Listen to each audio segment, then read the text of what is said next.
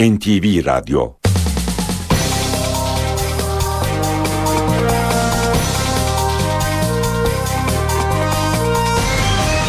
İşe Giderken Mutlu sabahlar. Ben Aynur Altunkaş. Bugün 24 Nisan Çarşamba işe giderkenle karşınızdayız. Saat 9'a kadar Türkiye ve dünya gündemindeki gelişmeleri, gazete manşetlerini, piyasa verilerini, spor haberlerini, yol ve hava durumlarını aktaracağız. Önce gündemin öne çıkan başlıklarına bakıyoruz.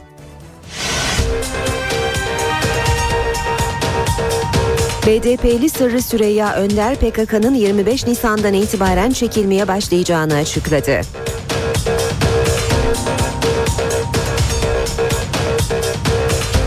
Milli Savunma Bakanı İsmet Yılmaz ve Kara Kuvvetleri Komutanı Orgeneral Hayri Kıvrıkoğlu askeri birliklerin bazı bölgelerden çekildiği iddiasını yalanladı.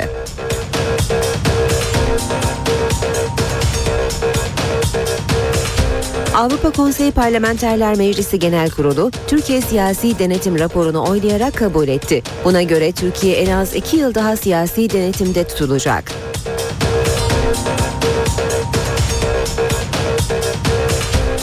Amerika Dışişleri Bakanı John Kerry'nin Başbakan Erdoğan'ın Gazze ziyaretini ertelemesi yönündeki sözlerine Başbakan'dan ilk tepki geldi. Erdoğan, Kerry'nin sözleri şık olmadı, Mayıs sonunda Gazze'ye gideceğim dedi.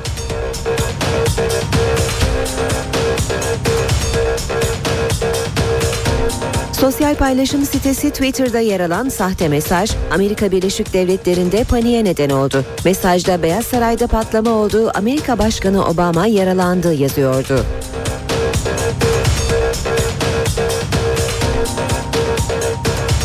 Kerkük'te Nuri El Maliki hükümetini protesto eden Sünnilerle güvenlik güçleri arasında çıkan çatışmada 36 kişi hayatını kaybetti.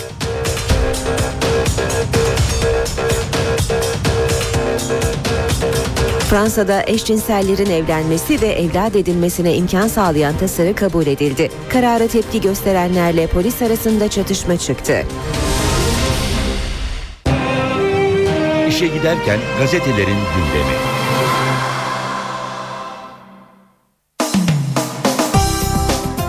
Gazetelerde bazı manşetlerin yine ortak olduğunu görüyoruz. Ee, bunlardan biri Avrupa e, Parlam e, Avrupa Konseyi Parlamenterler Meclisi'nin Türkiye raporu ile ilgili haber. Milliyet gazetesi Avrupa raporunda PKK'lı aktivist e, diyor manşet. Avrupa Konseyi Parlamenterler Meclisi raporunda PKK terörizmi ifadesi mücadele olarak yer aldı. PKK'lılarsa aktivistler olarak tanımlandı. PKK'nın Avrupa'nın gözündeki statüsüyle ilgili olarak Avrupa Konseyi Parlamenterler Meclisi'nde dün ilginç bir gelişme yaşandı. Meclisteki Türk heyetinin üyesi olan BDP'li Ertuğrul Kürkçü'nün verdiği değişiklik önergesiyle 40 binden fazla insanın ölümüne neden olan PKK terörizmi ifadeleri Türk Devleti ile PKK arasında 40 bin kişinin ölümüne neden olan mücadele olarak değişti. Bir başka değişiklik önergesinde de çekilecek PKK'lılar için aktivist nitelemesi yapıldı. CHP'li Haluk Koç kararı teröristi aktivist ifadelerine onay vermek mümkün değil sözleriyle yorumladı. CHP'li Deniz Baykal PKK ile ilgili rapora eklenenler kabul edilemez dedi. AK Partili Şaban Dişli de değişiklikleri samimiyetsizlik olarak değerlendirdi. Haberi Zaman Gazetesi de terörist gitti, aktivist geldi başlığıyla manşetten vermiş. Avrupa Konseyi'nden tartışmalı Türkiye raporu diyor gazete. Biz yeniden milliyete dönelim. Milliyetten aktaracağımız bir başka başlık. Interpol de gelse Pınar'ı koruruz. Strasbourg Üniversitesi Rektör Yardımcısı Ken, Pınar Seley'in araştırma özgürlüğüne saldırıldığına, müebbet kararının da Türkiye'deki barış sürecine uymadığına inandığını söyledi. Ken, üniversitelerinde araştırmacı olarak görev yapan Seley'i fiziksel olarak da koruyacaklarını, Interpol de gelse durumun değişmeyeceğini belirtti. Devam ediyoruz. Basın özetlerine işe giderken de Milliyet'in ardından e, geçelim. Vatan gazetesine çekilme için son 24 saat diyor Vatan manşette. BDP'li Sırrı Süreyya Önder PKK'nın sınır dışına çekilme sürecinin yarın başlayacağını açıkladı. 23 Nisan resepsiyonunda konuşan Önder, yarın Kandil'de Murat Karayılan'ın basın toplantısı düzenleyeceğini hatırlattı ve Kandil açıklama yapar PKK'nın sınır dışına çekilme süreci başlar dedi.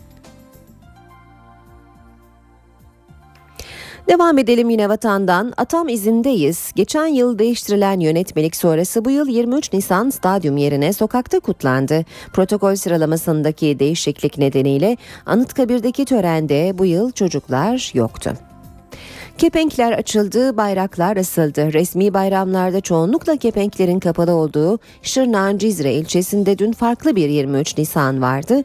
Esnaf uzun yıllar sonra ilk kez iş yerlerinin camlarına Türk bayrağı astı. Bu görüntüleri yayımlamasınlar. Erdoğan dün koltuğunu 5. sınıf öğrencisi İrem Kocakala'ya bıraktı. Heyecanlanınca ağlayan İrem toplantı sonunda ağlama görüntüleri yayımlamasınlar dedi. Erdoğan yanıt verdi. Ben de ağlıyorum yayınlıyorlar. Cumhuriyet gazetesi var sırada. İki farklı 23 Nisan demiş Cumhuriyet manşette. Ulusal Egemenlik ve Çocuk Bayramı'nda çocuklarda coşku, büyüklerde protesto ve sansür vardı. Ulusal bayramlara ilişkin yönetmeliğin değiştirilmesi nedeniyle 23 Nisan 32 yıl sonra ilk kez stadyumlar yerine spor salonlarında, kültür merkezlerinde ya da CHP'li yerel yönetimlerin düzenlediği alternatif etkinliklerle kutlandı. Başbakan Erdoğan ses kısıklığı nedeniyle geçen yıl olduğu gibi bu yılda Anıtkabir'deki törene katılmadı. Milli Eğitim Bakanı Avcı Anıtkabir'de yurttaşların Sayın Bakanım Türk bayrağınız nerede protestosuyla karşılaştı. Meclis Başkanı'nın kutlamaları kabul ettiği törende ise ilk kez bu yıl sansür uygulandı. Gazeteciler, parti liderleri, devlet ve askeri erkandan oluşan protokolün kutlama töreni için beklediği alana alınmadı. Hürriyetle devam edelim. Hürriyette can takası diyor manşet. 8 aylık Naz'la 70 yaşındaki Konstantin İpseftel'in hayatı Türkiye'de ilk kez yapılan çapraz karaciğer nakliyle kurtuldu. Bu öykünün dört kahramanı var. Naz, annesi Songül Karayanık, Konstantin İpseftel'le oğlu Maki. Songül Karayanık, siroz olan kızını kurtarmak için karaciğerini vermeye hazırdı. Ancak alınacak parça Naz için çok büyüktü. Maki, İpseftel ise kendi karaciğer lobu çok küçük olduğu için babasını kurtaramıyordu. Her iki aile organ nakli için sıraya girdi. Profesör Doktor Yaman Tokat ve ekibi iki aileye çapraz nakil teklifinde bulundu. Maki İpseftel'in küçük karaciğeri bebek Naz'a, Songül Karayanık'ın büyük karaciğeri de baba İpseftel'e ikinci bir yaşam şansı verdi. Operasyon Avrupa'nın da ilk çapraz karaciğer nakli oldu. Devam edelim basın özetlerine. İşe giderken de İstanbul'da çakma tören tartışması. Siyasetteki tatsız hava kendini 23 Nisan törenlerinde hissettirdi. Meclisteki buluşmada Başbakan Erdoğan, CHP lideri Kılıçdaroğlu ve MHP lideri Bahçeli ile tokalaşmadı. İstanbul Taksim'deki resmi tören bitiminde cep telefonunun e, kronometresini gösteren CHP İl Başkanı Oğuz Kağan Salıcı, tören 2 saat 24 saniye sürmüştür. Bu çakma bir törendir dedi. Geçiyoruz Haber Türkiye. Sürmanşet Kerry'nin sözleri şık olmadı. Erdoğan Gazze'ye gideceğim erteleme yok dedi. Başbakan Gazze ziyaretini ertelemesi iyi olur diyen Amerika Dışişleri Bakanı'nı eleştirdi. Erdoğan Gazze ziyaretini ertelemesini isteyen Kerry'e Gazze'ye gidiyorum mesajı gönderdi. Keşke söylemeseydi şık olmadı dedi. Habertürk'ün manşeti tazminata kurşun kriteri. İsrail'in Mavi Marmara'ya yaralanan Mavi Marmara'da yaralananlara ödeyeceği tazminat isabet eden kurşunların sayısı ve yaraya göre hesaplanacak. Tazminat için ömür boyu ne kadar kazanırdı, çocuklarına ne kadar ayırırdı sorularına bakılacak. Yaralılar içinse kaç kurşun isabet etti, organ kaybı, iş engeli, mağduriyet kriterleriyle hesap yapılacak. Basın özetlerinde sıraya Akşam gazetesi alıyor. CHP hakikat peşinde diyor akşam manşette. Dünyadaki çözüm süreci örneklerini incelemek için İngiltere, İskoçya ve İrlanda'ya giden meclis heyetinin istikameti bu kez Güney Afrika. Heyet bugüne kadar 40'a yakın ülkede kurulan hakikatleri araştırma komisyonlarının en güçlü modelini çıkaran ülkede inceleme yapacak. CHP'li iki vekil genel başkan talimatıyla ekipte. Basın özetlerinde işe giderken de e, sırayı Radikal gazetesi alıyor. Erdoğan'ın Gazze planı demiş Radikal'de manşette. Dışişleri Bakanı Davutoğlu, Başbakan Erdoğan'ın sürpriz Gazze planını açıkladı. Filistinliler uzlaşırsa Gazze'ye Mahmut Abbas'la gitmek. Yeni Şafak'a bakalım. Yeni iç tehdit biyoterörizm diyor Yeni Şafak manşette. Siber terörden sonra gıda güvenliği de Milli Güvenlik Kurulu'nun gündemine girdi. Cumhuriyet tarihinde ilk defa bir Tarım Bakanı iç ve dış tehditlerin değerlendirildiği Milli Güvenlik Kurulu'na katılarak biyoterörizm ve toprak reformuyla ilgili bilgi verecek. Taraf gazetesine de bakalım. Keşke 6 ay önce başlasaydı diyor taraf manşette. Şehit annesi geç gelen barışa yanıyor. Erdoğan 23 Nisan konuşmasında bir şehit anasının sözlerini aktardı. Keşke süreç 6 ay önce başlasaydı da Vedat'ım da yanımda olsaydı. Saat 7.18 işe giderken de gündeme yakından bakmaya devam edelim. BDP'li Sırrı Süreyya Önder PKK'nın 25 Nisan'dan itibaren çekilmeye başlayacağını açıkladı. Dün akşam Meclis Başkanı Cemil Çiçek'in ev sahipliği yaptığı 23 Nisan resepsiyonunda konuşan Önder, CHP'nin süreçteki tutumunu da eleştirdi. Milli Savunma Bakanı İsmet Yılmaz ve Kara Kuvvetleri Komutanı Orgeneral Hayri Kıvrıkoğlu ise askeri birliklerin bazı bölgelerden çekildiği iddiasını yalanladı. PKK sınır dışına 25 Nisan Perşembe gününden itibaren çekilmeye başlıyor. Çekilme takvimini İmralı heyetinde de yer alan BDP İstanbul Milletvekili Sırrı Süreyya Önder açıkladı.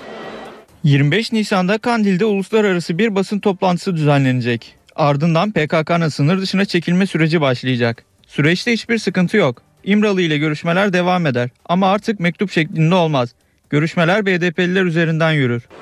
CHP'nin süreçteki tutumuna da tepki gösteren Önder, CHP'yi Allah'a havale ediyorum, yollarına halı serdik yine de gelmediler diye konuştu. Ve sürecin en çok tartışılan konularından biri PKK çekilirken Türk Silahlı Kuvvetleri'nin izleyeceği tutum. Milli Savunma Bakanı İsmet Yılmaz tartışmaya son noktayı koydu. Birliklerin çekilmesi gibi bir durum söz konusu değil. 780 bin kilometre karede bu ülkenin güvenliği ne gerektiriyorsa o aynen yapılır. Dünle bugün arasında bir fark yoktur. Herhangi bir bölgede zafiyet oluşturulmaz. Hukuk, kanun ne diyorsa o yapılır. Kara Kuvvetleri Komutanı Hayri Kıvrıkoğlu da bölgede hacim ve güç açısından hiçbir azalma olmadığını söyledi. Hudut birliklerinin yasak bölgeye girenleri yakalayacağını vurguladı. Cumhurbaşkanı Abdullah Gül de çözüm sürecini değerlendiren isimler arasındaydı. Her şey toz pembe değil ama herkes sürece katkı vermeli diyen Gül, sürecin netice vermesi için PKK'nın silahlardan vazgeçmesi gerektiğine de dikkat çekti. Meclis Başkanı Cemil Çiçek ise mecliste kurulacak çözüm sürecini değerlendirme komisyonu ile ilgili tartışmalara değindi. Daha önce komisyona üye vermeyeceklerini açıklayan CHP ve MHP'ye ikinci bir yazı yazarak üye taleplerini yineleyeceklerini söyledi. Ancak üye vermeseler de iç düzeye göre komisyon kurulabilir dedi. CHP lideri Kemal Kılıçdaroğlu ise eğer gerçekten bu sorun nasıl çözülür diye milletvekilleri bir araya gelecekse elbette biz de milletvekili görevlendiririz yorumunda bulundu. Dün akşamki 23 Nisan resepsiyonuna Meclis Başkanı Cemil Çiçek eşiyle birlikte ev sahipliği yaptı. Resepsiyona devletin zirvesindeki isimlerse yalnız katılmayı tercih etti. Başkente 23 Nisan kutlamalarının son adresi meclise verilen resepsiyon oldu.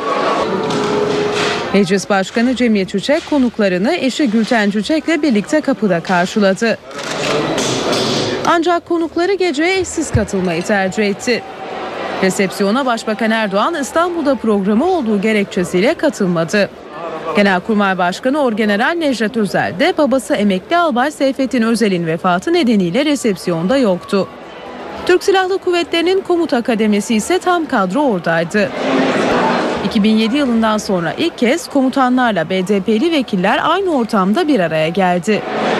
Cumhurbaşkanı Abdullah Gül geçen yıl olduğu gibi bu yılda resepsiyona eşi Hayrun Gül olmadan katıldı.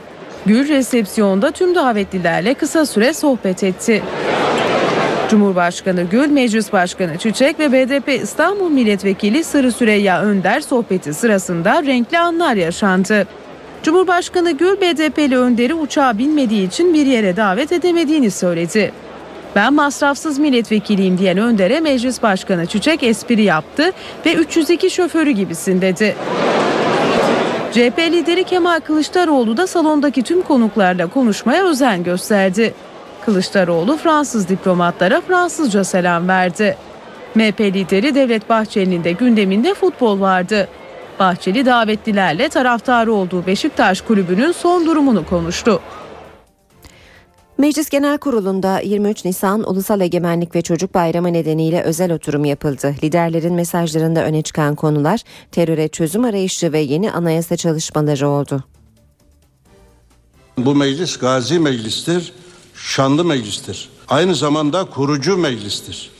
Meclisin iradesi milletin iradesidir. Türkiye Büyük Millet Meclisi kuruluşunun 93. yılında özel oturumla toplandı. Oturumu Cumhurbaşkanı Abdullah Gül başta olmak üzere yüksek yargı organlarının başkanları ve diplomatik misyon şefleri de izledi. Meclis Başkanı Cemil Çiçek açılış konuşmasında çözüm sürecine değindi, yeni anayasa vurgusu yaptı. Ayrılığı ve ayrımcılığı reddedip birliği ve kardeşliği savunacağız. Bin yıldır bu topraklarda inşa ettiğimiz kültürün ve muhteşem medeniyetimizin özü budur. Yeni bir toplumsal sözleşme, ortak geleceğimize yönelik bir mutabakat milletimizin en başta gelen talep ve beklentisidir. Bitmez tükenmez halkımızı canından bezdiren siyasi kavgaların konusu yapamayız. Meclisin görevi temennide bulunmak değil, milletin bu en önemli özlem ve beklentisini hayata geçirmektir. Başbakan Recep Tayyip Erdoğan kürsüye Kurtuluş Savaşı sırasında çekilmiş 3 fotoğrafla çıktı. Başbakan konuşmasında çözüm sürecine vurgu yaptı. Denizli'de bir şehit annesinin kendisini ziyaret edenlere keşke bu süreç 6 ay önce başlasaydı da Vedat'ım şehit olmasaydı dediğini aktardı. Şehit Vedat'ı geri getiremeyiz. Ama şunu biliniz ki başka Vedatların, başka fidanların, başka ana kuzularının zamansız toprağa düşmesini engelleyebiliriz. Yetim kalmış çocuklara babalarını iade edecek bir kudretimiz yok. Ancak daha fazla çocuğun yetim kalmasını engelleyecek iradeye sahibiz. Başbakan Erdoğan'ın gündeminde yeni anayasa da vardı. Biz müdahale anayasalarıyla büyüdük. Ama çocuklarımıza demokratik, katılımcı, özgürlükçü, herkesi kucaklayan bir anayasa teslim etmek bizim de bu meclisimizin de boynumuzun borcudur. CHP lideri Kemal Kılıçdaroğlu ise tutuklu milletvekilleri sorununa dikkat çekti. Bu yüce meclisin kendi hukukunu çiğnetmeye hakkı yoktur. 8 üyesi gayrimeşru olarak ve hukuk dışına çıkılarak hapse atılmış bir meclisin itibarı doğal olarak kaybolmaz mı? Bu bayram öz ve öz milletin bayramıdır. Onun içindir ki 23 Nisan 1920 hem zihinlerde hem dillerde hem de yüreklerdedir. Silmeye kimsenin ne gücü ne de cesareti yeter. Tıpkı Türkiye Cumhuriyeti, tıpkı TC gibi. MHP lideri Devlet Bahçeli çözüm sürecine tepkisini özel oturumdaki konuşmasında da sürdürdü. Ne hazindir ki meclisimizin kuruluşundan geçen 93 yıl sonra milli birliğimiz kırılmaya, milli kimliğimiz tahrip edilmeye çalışılmaktadır. Vatanımızın bölünmez bütünlüğü, devletimizin üniter yapısı, Türk milletinin şeref, itibar ve birliği Gazi Meclis'in kırmızı çizgilerindendir ve ihlal edilemeyecektir.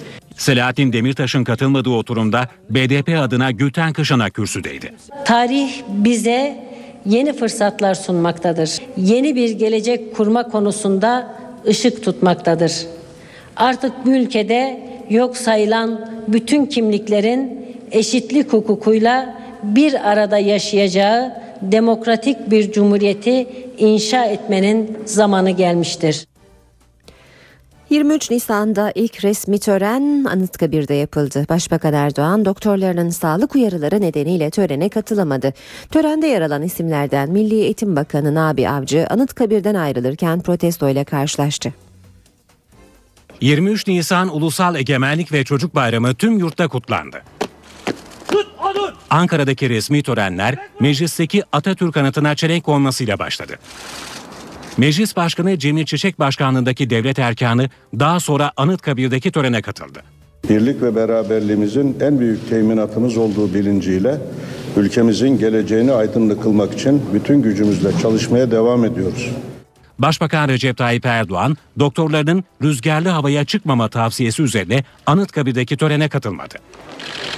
Milli Eğitim Bakanı Nabi Avcı, Anıtkabir merdivenlerinden inerken protesto edildi.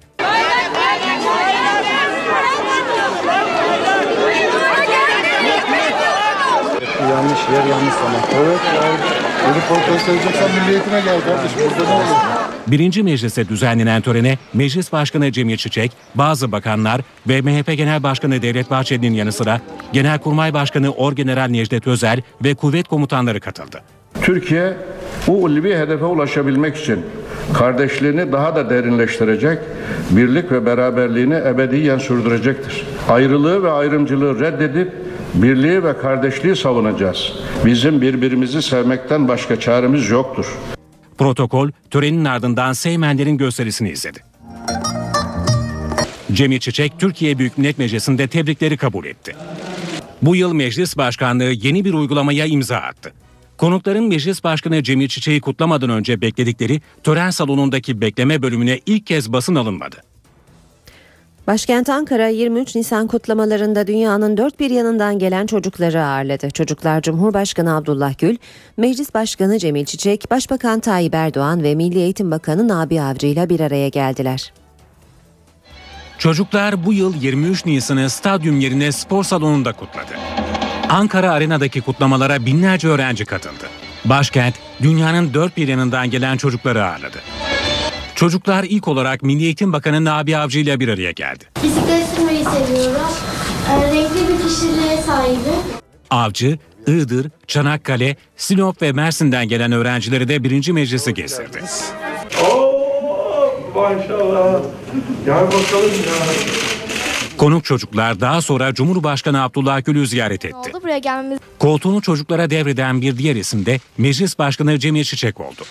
Mehmet Fatih Memiş, yeni anayasa konusunda koltuğuna oturduğu meclis başkanından farklı mesajlar verdi. E şu anki anayasada herhangi bir sorun olmadığı için başka bir yeni anayasaya gerek yok yani. Başkentin konuk ettiği bir diğer çocuk grubu da Arap Baharı ülkelerindendi. İnşallah ekmeğin bereketiyle barış da gelir. İnşallah. 7 ülkeden gelen konuk çocuklar getirdikleri unlarla yapılan barış ekmeğini ikram etti. Başbakan Recep Tayyip Erdoğan barış ekmeğini tüm salona dağıttı, kendisi de ekmeğin tadına baktı. Çankaya Belediyesi'nin Bin Çocuk Korosu konseri de CHP lideri Kemal Kılıçdaroğlu'nun katılımıyla yapıldı.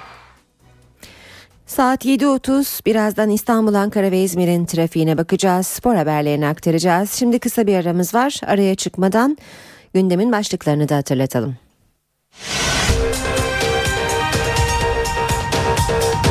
BDP'li Sırrı Süreyya Önder PKK'nın 25 Nisan'dan itibaren çekilmeye başlayacağını açıkladı.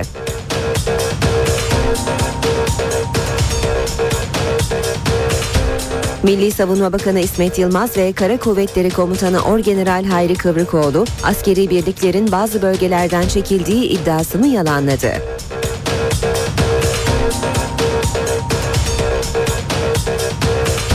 Avrupa Konseyi Parlamenterler Meclisi Genel Kurulu Türkiye Siyasi Denetim raporunu oylayarak kabul etti. Buna göre Türkiye en az iki yıl daha siyasi denetimde tutulacak.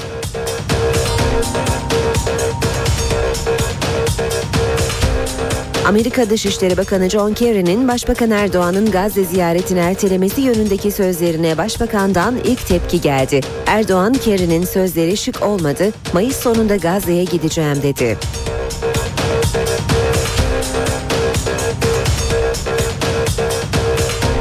Sosyal paylaşım sitesi Twitter'da yer alan sahte mesaj Amerika Birleşik Devletleri'nde paniğe neden oldu. Mesajda Beyaz Saray'da patlama olduğu Amerika Başkanı Obama yaralandı yazıyordu.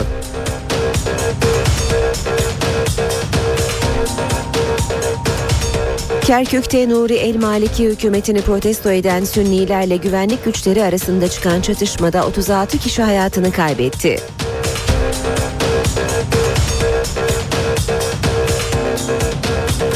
Fransa'da eşcinsellerin evlenmesi ve evlat edinmesine imkan sağlayan tasarı kabul edildi. Karara tepki gösterenlerle polis arasında çatışma çıktı.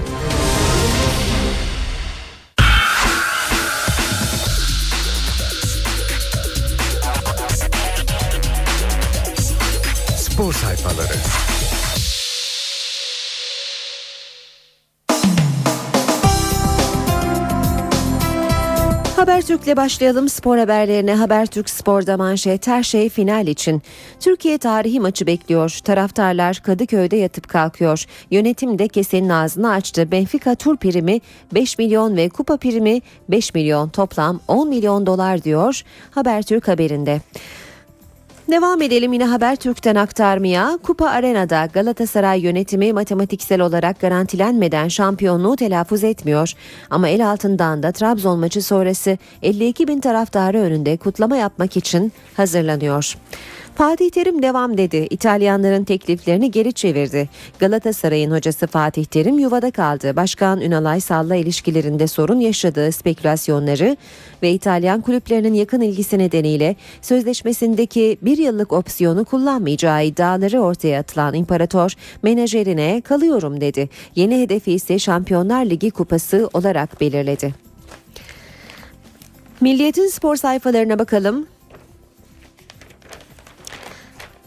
Cesur ve yürekli diyor Milliyet. Kayt Benfica sınavı öncesi iddialı konuşmuş. Fenerbahçe'nin Hollandalı yıldızı Avrupa'nın en iyi takımlarından biri olduklarını söyledi.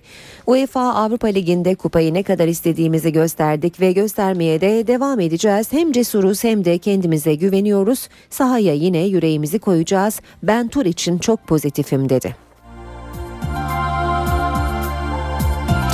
Biz neler gördük diyor bir diğer başlıkta Milliyet. Gençler Birliği yenilgisi sonrası düş kırıklığına uğrayan futbolcularını ayağa kaldırmak için takımın karşısına geçen Aykut Kocaman biz 3 Temmuz sürecinde ne badireler atlattık o yüzden bugün yaşananlar bir şey değil dediği öğrenildi.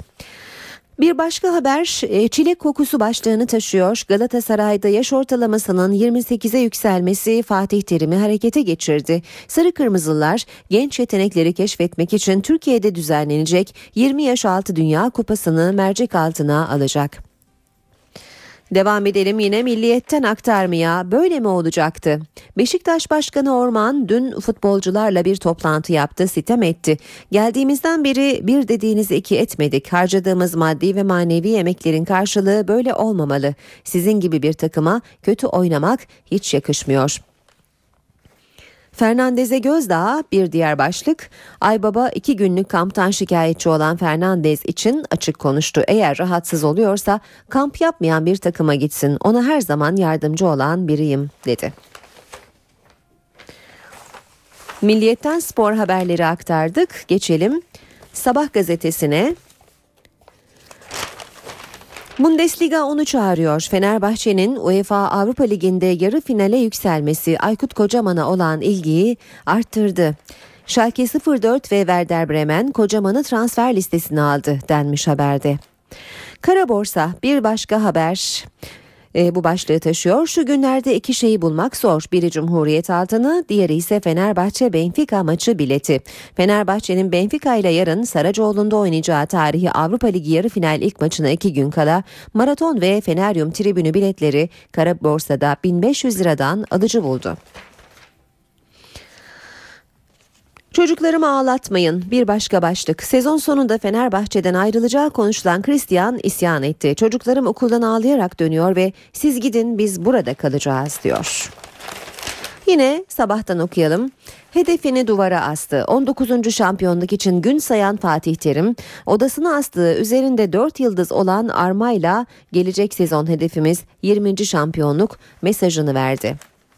Yerli Felipe, Felipe Melo, Gökhan İnler. Felipe Melo ile yolların ayrılması halinde Fatih Terim'in Brezilyalı yıldızın oyun, yıldız oyuncunun yerine istediği isim Napoli'nin Türk asıllı yıldızı Gökhan İnler diyor sabah.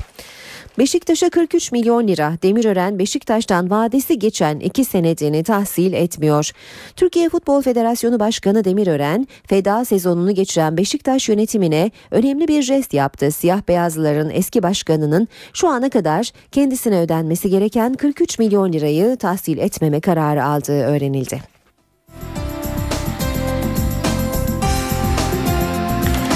Sabah gazetesinden yine aktaralım. Terminator. Bayern Münih oynadığı futbolla uzaydan geldiği öne sürülen Barcelona'yı sahadan sildi. Panzer İkisi Müller'den olmak üzere Gomez ve Robben'in golleriyle Devler Ligi finali için rezervasyon yaptı. Dün akşam oynanan karşılaşmayı Bayern Münih 4-0 kazandı. Hürriyetle bitiriyoruz bu bölümü. Hürriyetten okuyacağımız ilk haberin başlığı Anlat Süleyman. Zekeriya Alp Sivas Gençler Birliği maçına damga vuran o an için hakem Süleyman Aba ile görüştü. Gençler Birliği'nden Tosic'e göstermesi gereken kartı Zeke çıkardığı ve bu hatasına kılıf uydurmak için karşılaşma sonrası raporunu değiştirdiği öne sürülen Süleyman Abay, Merkez Hakem Kurulu Başkanı ile yüzleşti.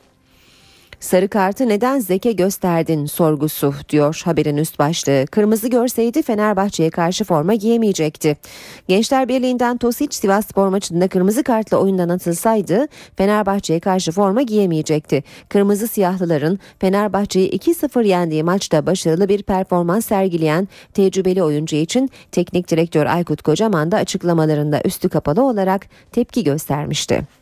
Kural değil hakem hatası. Süleyman Abay'ın Tosic yerine Zeki sarı kart göstermesi kural hatası olarak değil hakem hatası olarak yorumlanıyor. Bu bakımdan Sivas Spor Gençler Birliği maçının tekrarı gerekmiyor.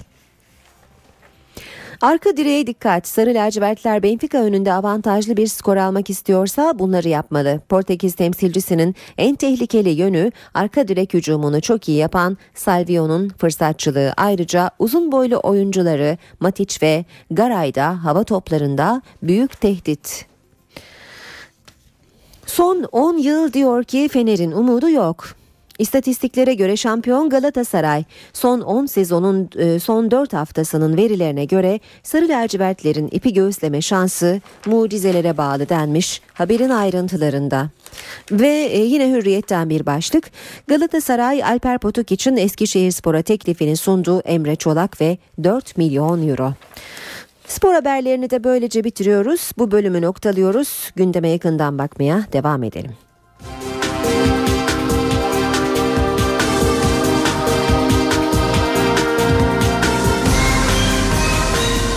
İşe giderken. Bu yıl 23 Nisan Ulusal Egemenlik ve Çocuk Bayramı'nda Başbakan Erdoğan'ın koltuğuna Mersin'den Nermin İrem Kocakalay oturdu. Habercilerin soruları karşısında zorlanan küçük başbakana yardım Başbakan Erdoğan'dan geldi. Sorulardan biri 23 Nisan'da çocuklara koltuk devretme geleneğinin devam edip etmeyeceği yönündeydi. Devraldığı başbakanlık koltuğunda gözyaşlarını tutamadı. 23 Nisan geleneğiyle koltuğa oturan öğrenciyi sakinleştiren Başbakan Recep Tayyip Erdoğan.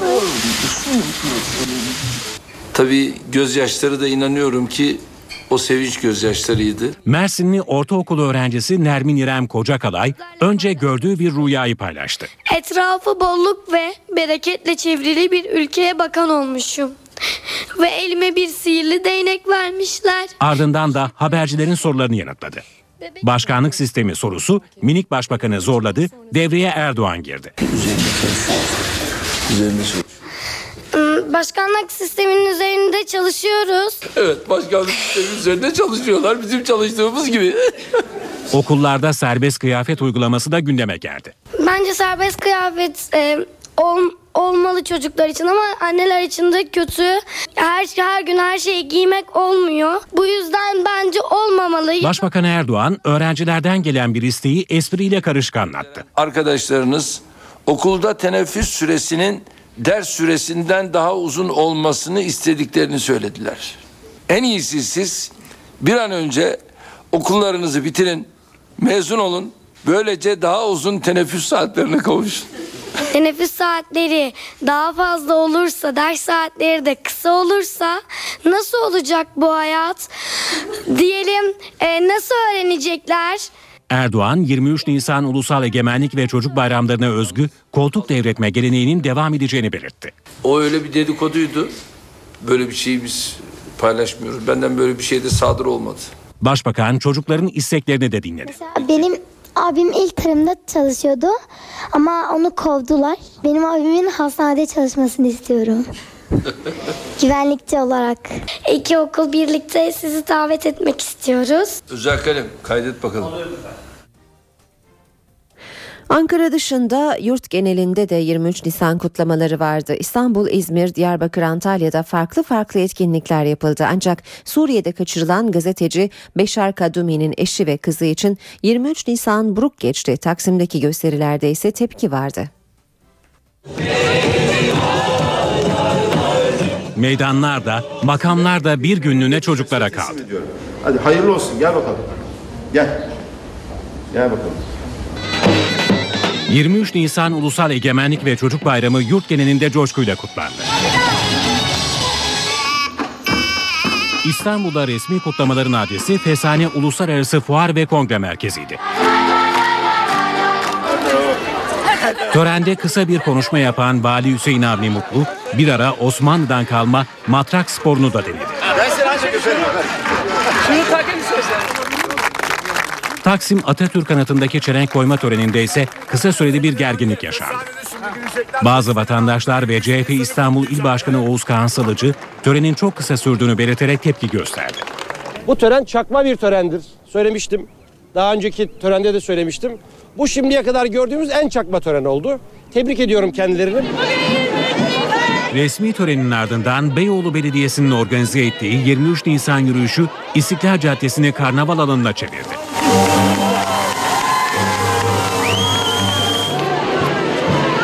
Çocuklar renkli kostümleri ve marşlar eşliğinde tünelden Galatasaray'a kadar yürüdü. 23 Nisan'da farklı heyecanlar yaşayanlar da vardı. Kimi vapurla boğazı gezdi, bazıları ise helikopterle İstanbul turu yaptı. Ancak bayramı buruk bir bekleyişte geçirenler de vardı. Suriye'de kaçırılan gazeteci Beşar Kadumi'nin eşi ve kızı Zehra seslerini duyurabilmek için yine Suriye konsolosluğunun önündeydi. İzmir'de kutlamaların merkezi Cumhuriyet Meydanı'ydı. Bayram coşkusuna yabancı ülkelerden gelen çocuklar da katıldı. Diyarbakır'da bu yıl ilk kez kutlamalar stadyumdan çıktı meydana indi. Valilik önündeki törenlerde çocuklar performanslarını sergiledi. Antalya'da da Cumhuriyet Meydanı doldu. Meydandaki kutlamanın ardından yapılan uçurtma şenliğinde 5000 uçurtma dağıtıldı. Gökyüzü de tıpkı meydan gibi renkli görüntülere sahne oldu. 23 Nisan'da bazı çocukların hiç oynamadığı, bilmediği oyunlar tekrar hatırlandı. İzmir'de düzenlenen Sokak Oyunları Festivali'nde çocuklar oyun oynamanın tadını yaşadı. İp atladılar, yakar top oynadılar, uçurtma uçurdular. İzmirli çocuklar 23 Nisan Ulusal Egemenlik ve Çocuk Bayramı'nda Sokak Oyunları Festivali'nde gönüllerince eğlendi. Bazıları unutulmaya yüz tutan oyunları ilk kez oynadı. Çok eğlendim. Ne kadar çok eğlendin? Yani o kadar çok ki anlatamıyorum. Çok eğleniyorum. Ee, iyi ki de öğretmenlerimiz buraya getirmiş bizi. Rahatça koşabiliyoruz arkadaşlarımla vakit geçiriyorum. Bilgisayar oyunları mı daha güzel? Burada böyle oyunlar oynamak mı? Burada böyle oyun, oy- oyunlar oynamak. Şarkılarla dans eden çocuklar animatörlerin gösterilerini izledi. Hayata Pas Ver projesi maddi durumu iyi olmayan ailelerin çocuklarını suçtan uzak tutmayı, spora yönlendirmeyi hedefliyor. 5 aydır futbol turnuvalarına katılan çocuklar bugünkü final maçından önce son antrenmanı 23 Nisan törenlerinde yaptı. Denizli'nin göç alan mahallelerinde yaşayan ailelerin çocuklarından futbol takımı kuruldu. Takımların kulüp başkanlığını iş adamları, koordinatörlüğünü ise emniyet amirleri üstlendi. Hayata Pas Ver Denizli Emniyeti'nin projesi. 220 çocuktan 20 futbol takımı kuruldu. 5 aydır turnuvalara katılan çocuklar final maçına bir gün kala heyecanlıydı. Antrenmanlar yapıyoruz. Ee, eğlencelerimiz oluyor. Ee, çok iyi hazırlanıyoruz. Büyük bir futbolcu adayı oldun diyebilir miyiz senin için? Evet zaten başından beri istiyordum futbolcu olmayı. Hayata Pas Ver projesiyle daha e, iyi düzenli çalışmaya başladık. E, evde boş oturacağımız yere buraya gelip antrenman yapıyoruz. Çocuklar 23 Nisan kutlamalarında da antrenmanlarını ihmal etmedi.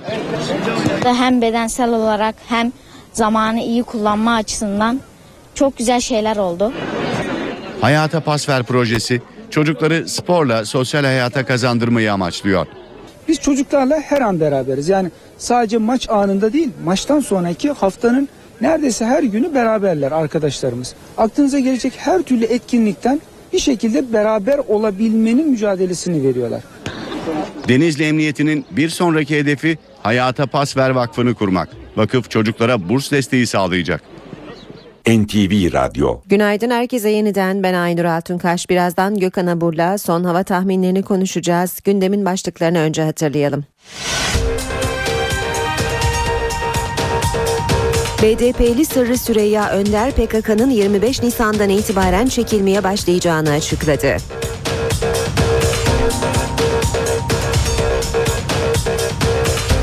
Milli Savunma Bakanı İsmet Yılmaz ve Kara Kuvvetleri Komutanı Orgeneral Hayri Kıvrıkoğlu askeri birliklerin bazı bölgelerden çekildiği iddiasını yalanladı.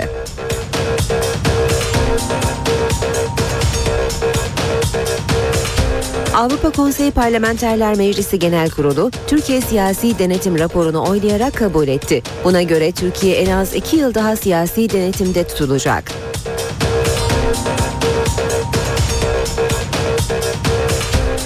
Amerika Dışişleri Bakanı John Kerry'nin Başbakan Erdoğan'ın Gazze ziyaretini ertelemesi yönündeki sözlerine Başbakan'dan ilk tepki geldi. Erdoğan, Kerry'nin sözleri şık olmadı, Mayıs sonunda Gazze'ye gideceğim dedi.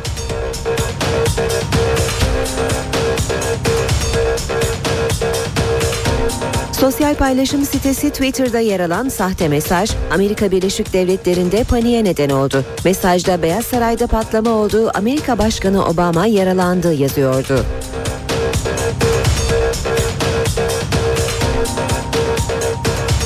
Kerkük'te Nuri El Maliki hükümetini protesto eden Sünnilerle güvenlik güçleri arasında çıkan çatışmada 36 kişi hayatını kaybetti.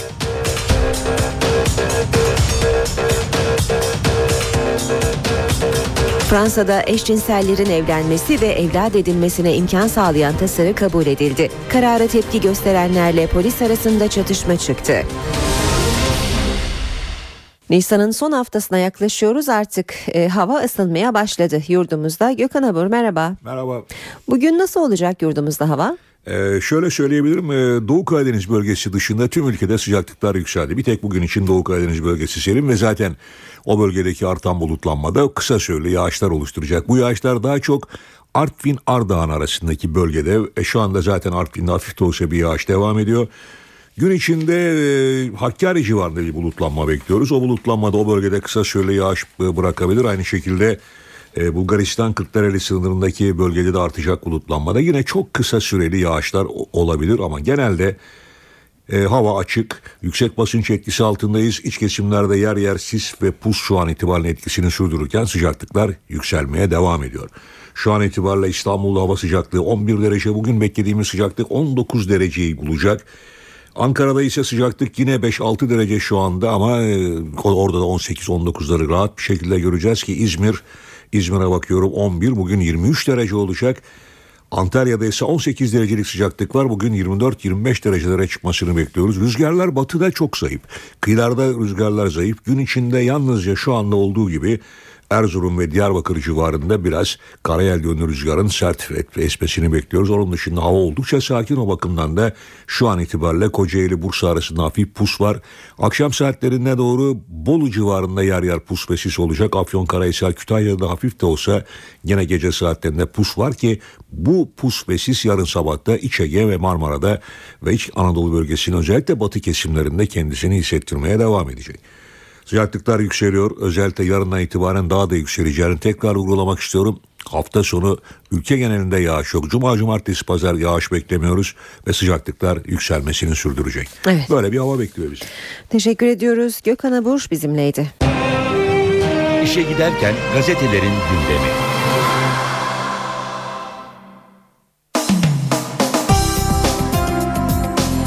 Şimdi gazetelerin birinci sayfalarına bakalım. Kimi haberler ortak olarak manşetlere yansımış. Milliyet ve zamanda olduğu gibi Milliyet'te Avrupa raporunda PKK'lı aktivist diyor haberin başlığı. Zamanda ise terörist gitti, aktivist geldi başlığı var. Avrupa Konseyi Parlamenterler Meclisi'nde kabul edilen e, raporla ilgili haber bu. Milliyet gazetesinden aktaralım. Avrupa Konseyi Parlamenterler Meclisi raporunda PKK terörizmi ifadesi mücadele olarak yer aldı. PKK'lılarsa aktivistler olarak tanımlandı. PKK'nın Avrupa'nın gözündeki statüsüyle ilgili olarak Avrupa Konseyi Parlamenterler Meclisi'nde dün ilginç bir gelişme yaşandı. Meclisteki Türk heyetinin üyesi olan BDP'li Ertuğrul Kürkçü'nün verdiği değişiklik önergesiyle 40 binden fazla insanın ölümüne neden olan PKK terörizmi ifadeleri Türk devleti ile PKK arasında 40 bin kişinin ölümüne neden olan mücadele olarak değişti. Bir başka değişiklik önergesinde de çekilecek PKK'lılar için aktivist nitelemesi yapıldı. CHP'li Haluk Koç'un kararı teröriste aktivist ifadelerine onay vermek mümkün değil sözleriyle yorumladı. CHP'li Deniz Baykal PKK ile ilgili rapora eklenenler kabul edilemez dedi. AK Partili Şaban Dişli de değişiklikleri samimiyetsizlik olarak değerlendirdi. Devam edelim ee, yine Milliyet gazetesinden bir başlıkla Boston bombacısından ilk ifade abim planladı örgütümüz yok. Boston maratonunda 13 e, kişinin ölümüne neden olan saldırıyı gerçekleştiren Çeçen kardeşlerden Cevher Çarnayev ilk kez sorguya konuşarak yanıt ver ilk kez sorguya konuşarak yanıt verdi. Saldırıyı abiyi Tamerlan'ın planladığını söyleyen Çarnayev uluslararası bir örgütle bağlarının olmadığını ifade etti. Bu arada yakalanmadan ölen Tamer Merlen Çarnayev'in 2001'de 3 arkadaşını vahşi bir şekilde öldürdüğü iddia ediliyor. Geçelim Vatan Gazetesi'ne. Vatanda çekilme için son 24 saat başlığı manşette. BDP'li Sırrı Süreyya Önder PKK'nın sınır dışına çekilme sürecinin yarın başlayacağını açıkladı. 23 Nisan resepsiyonunda konuşan Önder, yarın Kandil'de Murat Karayılan'ın basın toplantısı düzenleyeceğini hatırlattı ve Kandil açıkları, e, açıklama yapar PKK'nın sınır dışına çekilme süreci başlar dedi.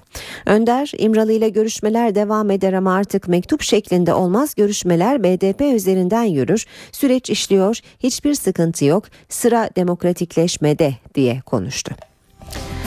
Devam ediyoruz. Basın özetlerine yine vatandan aktaralım. Atam izindeyiz. Geçen yıl değiştirilen yönetmelik sonrası bu yıl 23 Nisan stadyum yerine sokakta kutlandı. Protokol sıralamasındaki değişiklik nedeniyle Anıtkabir'deki törende bu yıl çocuklar yoktu. Kepenkler açıldı, bayraklar asıldı. Resmi bayramlarda çoğunlukla kepenklerin kapalı olduğu Jırnağın Cizre ilçesinde dün farklı bir 23 Nisan vardı. Esnaf uzun yıllar sonra ilk kez iş yerlerinin camlarına Türk bayrağı astı.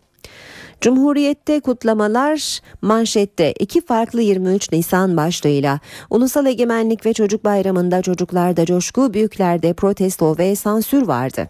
Ulusal bayramlara ilişkin yönetmeliğin değiştirilmesi nedeniyle 23 Nisan 32 yıl sonra ilk kez stadyumlar yerine spor salonlarında, kültür merkezlerinde ya da CHP'li yerel yönetimlerin düzenlediği alternatif etkinliklerle kutlandı. Başbakan Erdoğan ses kısıklığı nedeniyle geçen yıl olduğu gibi bu yıl yılda Anıtkabir'deki törene katılmadı. Milli Eğitim Bakanı Avcı, Anıtkabir'de yurttaşların Sayın Bakanım Türk bayrağınız nerede e, protestosuyla karşılaştı. Meclis Başkanı'nın kutlamaları kabul ettiği törende ise ilk kez bu yıl sansür uygulandı. Gazeteciler, parti liderleri, devlet ve askeri erkandan oluşan protokolün kutlama töreni için beklediği alana alınmadı.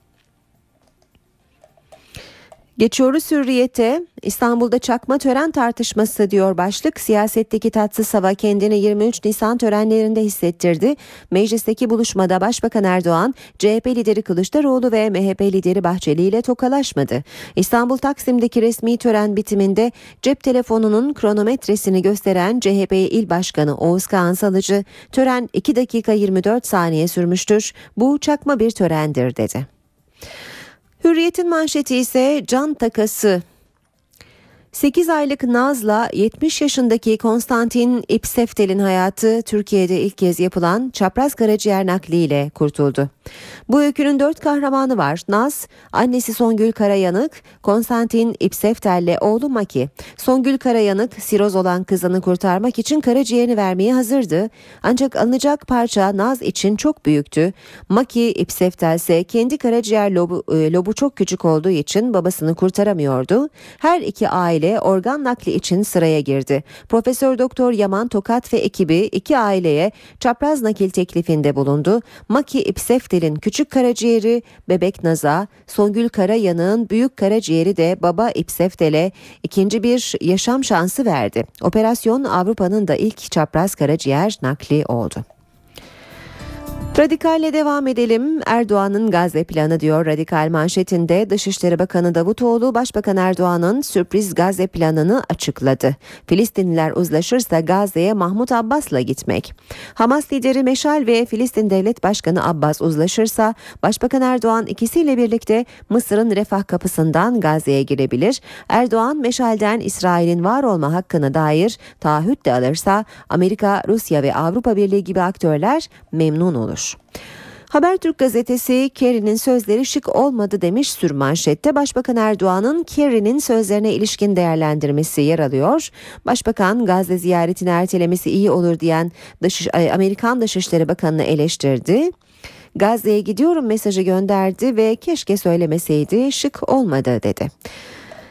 Başbakan Erdoğan'ın koltuğuna dün bir çocuk oturdu. 23 Nisan sebebiyle 5. sınıf öğrencisi Nermin İrem Kocakalay heyecandan ağladı. Erdoğan böyle daha doğal oldu ben de bazen ağlıyorum diye güldü. Habertürk'ün manşeti ise tazminata kurşun kriteri. İsrail'in Mavi Marmara'da yaralananlara ödeyeceği tazminat isabet eden kurşunların sayısı ve yaraya göre hesaplanacak. Tazminat için ömür boyu ne kadar kazanırdı, çocuklarına ne kadar ayırırdı sorularına bakılacak. Yaralılar içinse kaç kurşun isabet etti, organ kaybı, iş engeli, mağduriyet kriterleriyle hesap yapılacak. Akşam gazetesi var sırada. CHP hakikat peşinde diyor akşam manşette. Dünyadaki çözüm süreci örneklerini incelemek için İngiltere, İskoçya ve İrlanda'ya giden meclis heyetinin istikameti bu kez Güney Afrika. Heyet bugüne kadar 40'a yakın ülkede kurulan Hakikatleri Araştırma Komisyonu'nun en güçlü modelini çıkaran ülkede inceleme yapacak. CHP'li iki vekil genel başkan talimatıyla ekipte. Ve son olarak da Yeni Şafak'a bakıyoruz. Yeni iç tehdit biyoterörizm.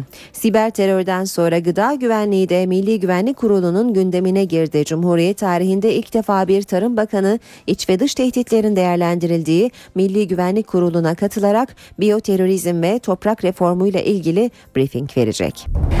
NTV Radyo. Duyduklarınıza inanın.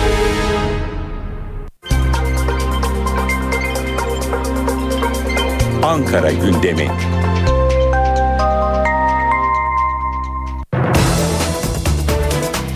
İşe giderken başkent gündemiyle devam ediyor. Karşımızda NTV Ankara muhabirlerinden Murat Barış Koralp var. Murat günaydın. Günaydın kolay gelsin. İstersen Sırrı Süreyya Önder'in açıklamalarıyla başlayalım. Dün e, BDP'li Önder PKK'nın sınır dışına çekilme sürecinin yarın başlayacağını açıkladı. E, yarın Kandil'de Murat Karayılan'ın bir basın toplantısı düzenleyeceğini söyledi Önder. Neler söyleyeceksin önce bu gelişme için? Evet sürpriz oldu çünkü hiçbir tarih telaffuz edilmiyordu. Dün meclis resepsiyonunda ilk kez BDP'li Sırrı Süreyya Önder ki kendisi İmralı heyetlerinde de son 3 heyette de yer alan bir isimdi yarın itibariyle çekilme sürecinin başlayacağını söyledi. Tam ifade şu. 25 Nisan'da Kandil'de uluslararası bir basın toplantısı düzenlenecek. Ardından PKK'nın sınır dışına çekilme süreci başlayacak. Süreçte hiçbir sıkıntı yok. İmralı ile görüşmeler devam eder ama artık mektup şeklinde olmaz. Görüşmeler BDP'liler üzerinden yürür dedi BDP'li Sırrı Süreyya Önder ve yarın itibariyle artık PKK'lı militanların Türkiye'den sınır dışına çekilmeye başlayacağını da söylemiş oldu. İlk kez telaffuz edilmiş oldu bir tarih. Ve sürecin bir ayağı daha var. En çok tartışılan ayaklarından biri PKK çekilirken Türk Silahlı Kuvvetleri ne yapacak? Milli Savunma Bakanı İsmet Yılmaz dün meclis resepsiyonunda bu tartışmaya son noktayı şu sözlerle koydu. Birliklerin çekilmesi gibi bir durum söz konusu değil ki burada kastedilen tabii ki Türk Silahlı Kuvvetleri'nin birlikleri.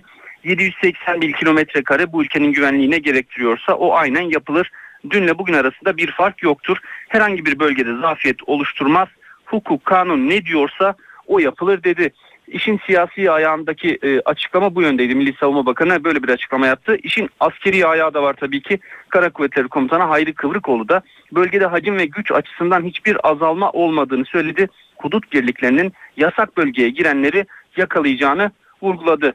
Sınır dışına çekilin çağrısı ilk kez ne zaman yapılmıştı? Kısa bir hatırlatma. Abdullah Öcalan 21 Mart'ta Diyarbakır'da düzenlenen Nevruz kutlamalarında mektup okutmuştu. Bir mektubu okunmuştu. Terör örgütü PKK'ya sınır dışına çekilin çağrısı 21 Mart'ta yapılmıştı. 25 Nisan'da da bu çekilmenin yarın başlayacağı BDP'li Sırrı Süreyya Önder tarafından dile getirilmiş oldu. Peki Murat bugün takip edeceğiniz diğer başlıklara geçelim. Tabii hemen onları da kısaca özetleyelim. Dün Genelkurmay Başkanı Orgeneral Necdet Özel'in babası emekli albay Seyfettin Özel rahmetli olmuştu. Bugün toprağa verilecek Seyfettin Özel'in Kocatepe Camii'nde düzenlenecek cenaze törenine devletin zirvesinin de katılması bekleniyor. Cumhurbaşkanı Abdullah Gül'ün ve Başbakan Erdoğan'ın programlarında bu cenaze töreni var. Başbakan Recep Tayyip Erdoğan sabah saatlerinde İstanbul'da akşam Ankara'ya dönüyor ve Sayıştay Başkanı Recai Akgel ve Sayıştay'a yeni seçilen 5 üyeyi kabul edecek. Geçtiğimiz günlerde Meclis Genel Kurulu'nda yapılmıştı Sayıştay üyeliklerine seçim. Meclis Başkanı Cemil Çiçek sabah saatlerinde Meclis Kreşi 5 yaş çocuk grubunun folklor gösterisine katılacak. Genel kurulda ise Meclis Genel Kurulu'nda ise Türkiye Demir Yolları ulaştırmasının serbestleştirilmesi hakkında kanun tasarısı görüşülmeye devam edilecek. Son not Dışişleri Bakanı Ahmet Davutoğlu, İçişleri Bakanı Muammer Güler ve Maliye Bakanı Mehmet Şimşek elektronik vize konusunda bugün bir basın toplantısı düzenleyecekler. Murat Barış Koray teşekkür ediyoruz. Kolay gelsin.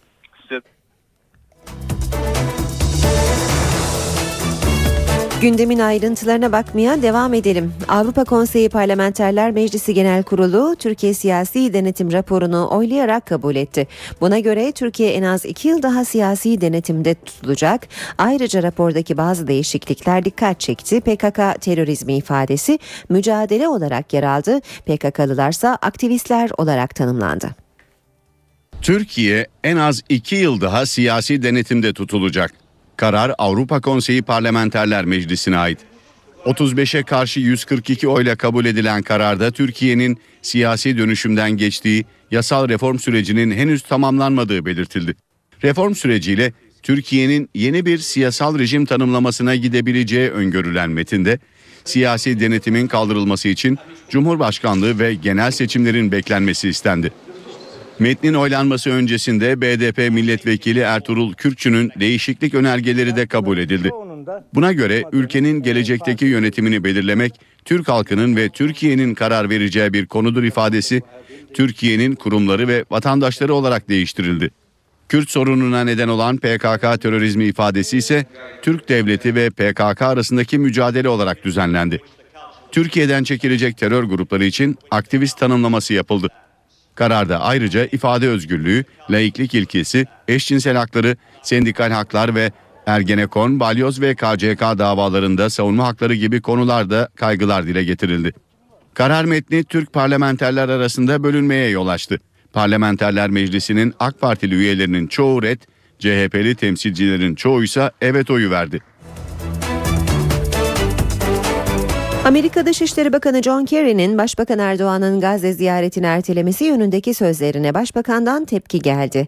Erdoğan, Kerry'nin sözleri şık olmadı. Mayıs sonunda Gazze'ye gideceğim dedi. John Kerry'nin açıklaması Brüksel'deki NATO zirvesinde de gündeme geldi. Dışişleri Bakanı Davutoğlu, Kerry'e bu tür açıklamalardan kaçınması mesajını iletti. Amerikan Dışişleri Bakanı John Kerry'nin Başbakan Recep Tayyip Erdoğan'ın Gazze ziyareti ertelenmeli açıklaması NATO zirvesinde de gündemdeydi. Brüksel'de Kerry ile görüşen Dışişleri Bakanı Davutoğlu bu tür açıklamalardan kaçınılması gerektiği mesajını Amerikalı mevkidaşına iletti. Ee, dostane bir şekilde bu konuyu da paylaştık. Zaten dün Sayın Başbakan Yardımcımız gerekli açıklamaları yapmıştı. Dolayısıyla bir kez daha onu e, teyiden vurgulamak isterim.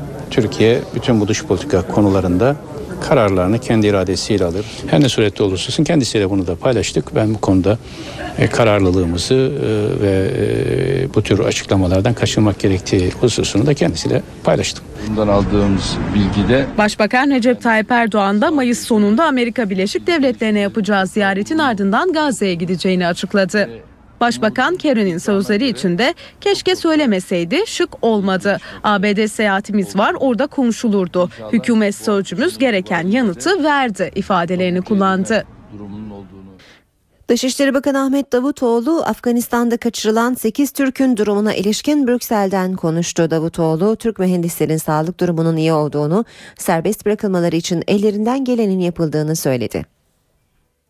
Vatandaşlarımızın sağlığının iyi olduğunu birçok kanaldan teyit ettik. Ee, Afgan Dışişleri Bakanı da bunu teyit etti. Dışişleri Bakanı Ahmet Davutoğlu Afganistan'da Taliban'ın rehin aldığı 8 Türk'le ilgili Brüksel'de bu açıklamayı yaptı. Davutoğlu Türk mühendislerin özgürlüğüne kavuşması için ellerinden geleni yaptıklarını da sözlerine ekledi. Afgan yetkililer de umutlu. Logar bölgesindeki yerel valilerden Hamidullah Hamit, Türk rehinelerin önümüzdeki saatlerde serbest bırakılmasını umuyor. Yürüttüğümüz müzakereler ve çabalar sonucu Türk rehinelerin hayatı tehdit altında değil. Rehinelerin serbest bırakılması ile ilgili kısa sürede olumlu bir sonuç almayı umuyoruz. Taliban'la müzakereyi sürdüren aşiret liderleri de rehinelere iyi bakıldığını söylüyor. Taliban sözcüsü de rehinelerin ihtiyaç durumunda çok iyi doktorlara ve sağlık ekiplerine erişimi olduğunu açıkladı. Sözcü rehinelerle ilgili yapılan araştırmaların sürdüğünü ve ne zaman serbest bırakılacaklarının henüz kesin olmadığını belirtti. Müzakerelerin birkaç gün sürebileceği belirtiliyor. Rehinelerin Logar'la Celalabad vilayeti arasında tutulduğu tahmin ediliyor. İşe giderken Piyasalara bakalım. Dün borsada 23 Nisan Ulusal Egemenlik ve Çocuk Bayramı sebebiyle işlem yapılmadı. E, BIST 100 endeksi pazartesi günü ise 737 puan ve %0,89 artışla 84.023 puandan kapanmıştı. Bu sabah dolar 1.81, euro 2.35'ten işlem görüyor. Euro dolar 1.30, dolar yen 99 düzeyinde. Altının onsu 1427 dolar, kapalı çarşıda külçe altının gramı 83 lira. Cumhuriyet altını 561, çeyrek altın 139 liradan işlem görüyor. Brent petrol 101 dolar. BDP'li Sırrı Süreyya Önder PKK'nın 25 Nisan'dan itibaren çekilmeye başlayacağını açıkladı.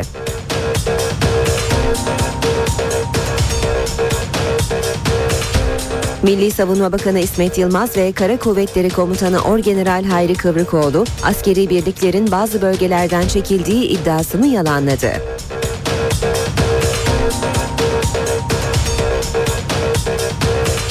Avrupa Konseyi Parlamenterler Meclisi Genel Kurulu Türkiye Siyasi Denetim raporunu oylayarak kabul etti. Buna göre Türkiye en az iki yıl daha siyasi denetimde tutulacak.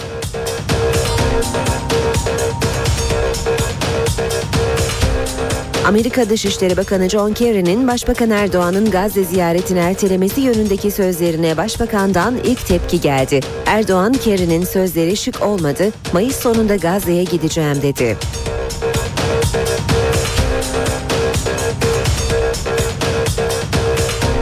Sosyal paylaşım sitesi Twitter'da yer alan sahte mesaj Amerika Birleşik Devletleri'nde paniğe neden oldu. Mesajda Beyaz Saray'da patlama oldu, Amerika Başkanı Obama yaralandı yazıyordu.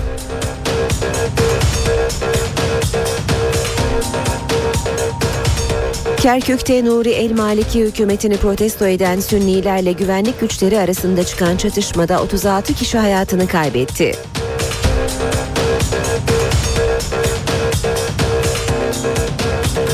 Fransa'da eşcinsellerin evlenmesi ve evlat edinmesine imkan sağlayan tasarı kabul edildi. Karara tepki gösterenlerle polis arasında çatışma çıktı.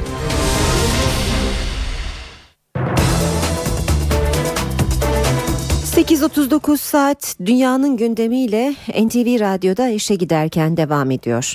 Irak'ta Şii Başbakan Maliki hükümetiyle Sünniler arasında çıkan çatışmalar 36 kişinin ölümüne neden oldu.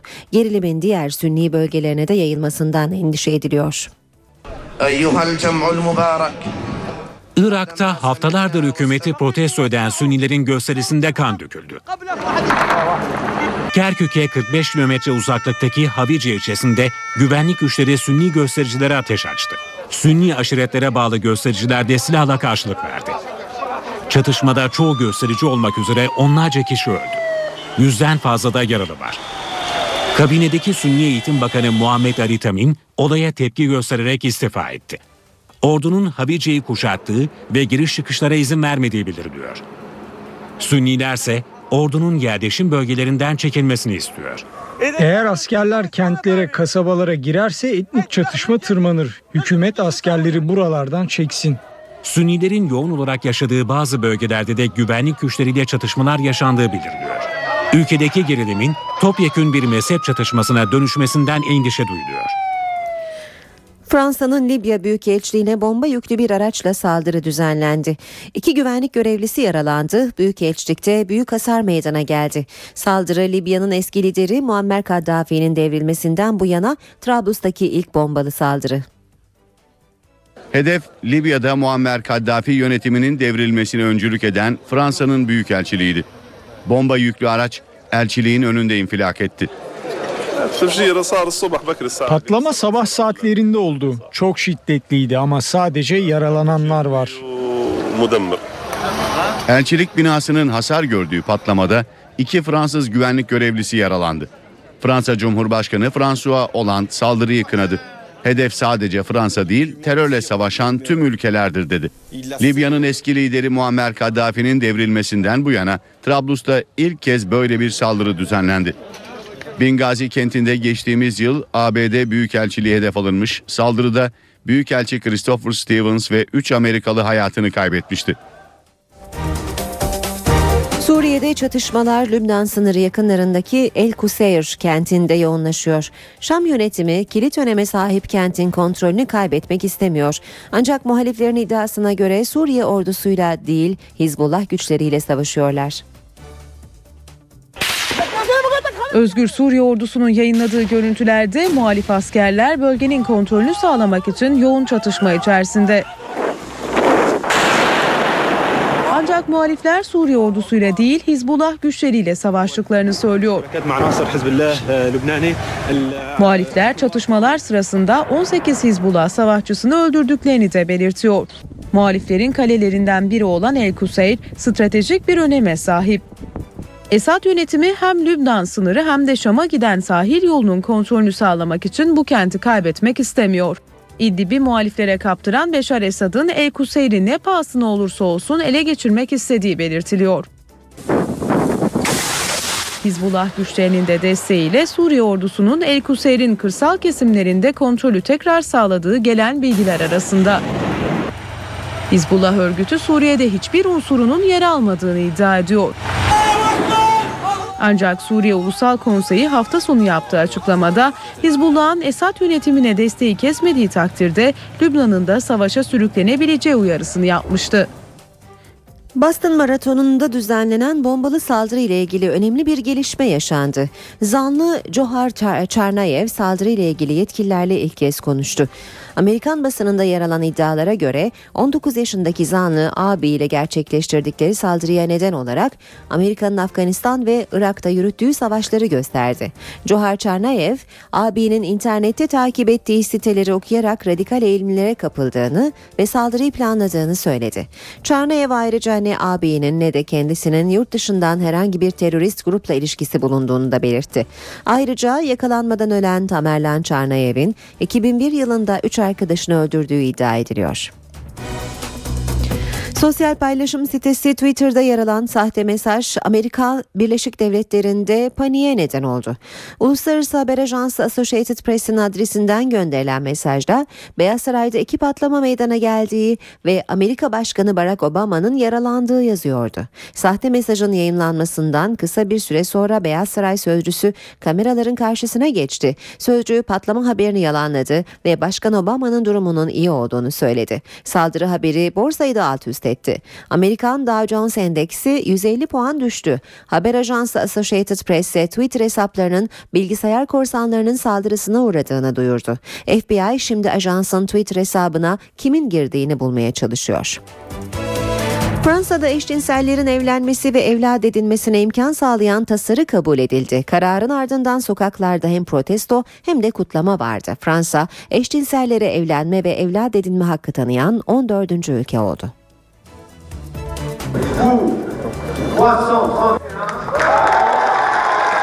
Fransa'da eşcinsellerin evlenmesi ve evlat edinmesine imkan sağlayan yasa tasarısının kabul edilmesi farklı tepkilere yol açtı. İlk olay tasarının oylanması sırasında yaşandı. Fransa parlamentosunun izleyici bölümünde oturan bir kişi oylama öncesi protesto girişiminde bulundu. Milletvekillerinin tepkisiyle karşılaşan şahıs salondan çıkarıldı.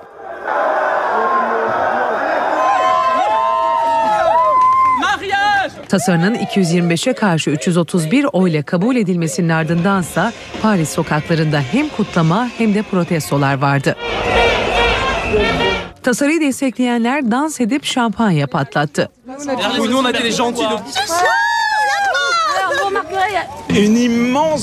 Çok ama çok mutluyum. Sonunda herkes eşit haklara sahip.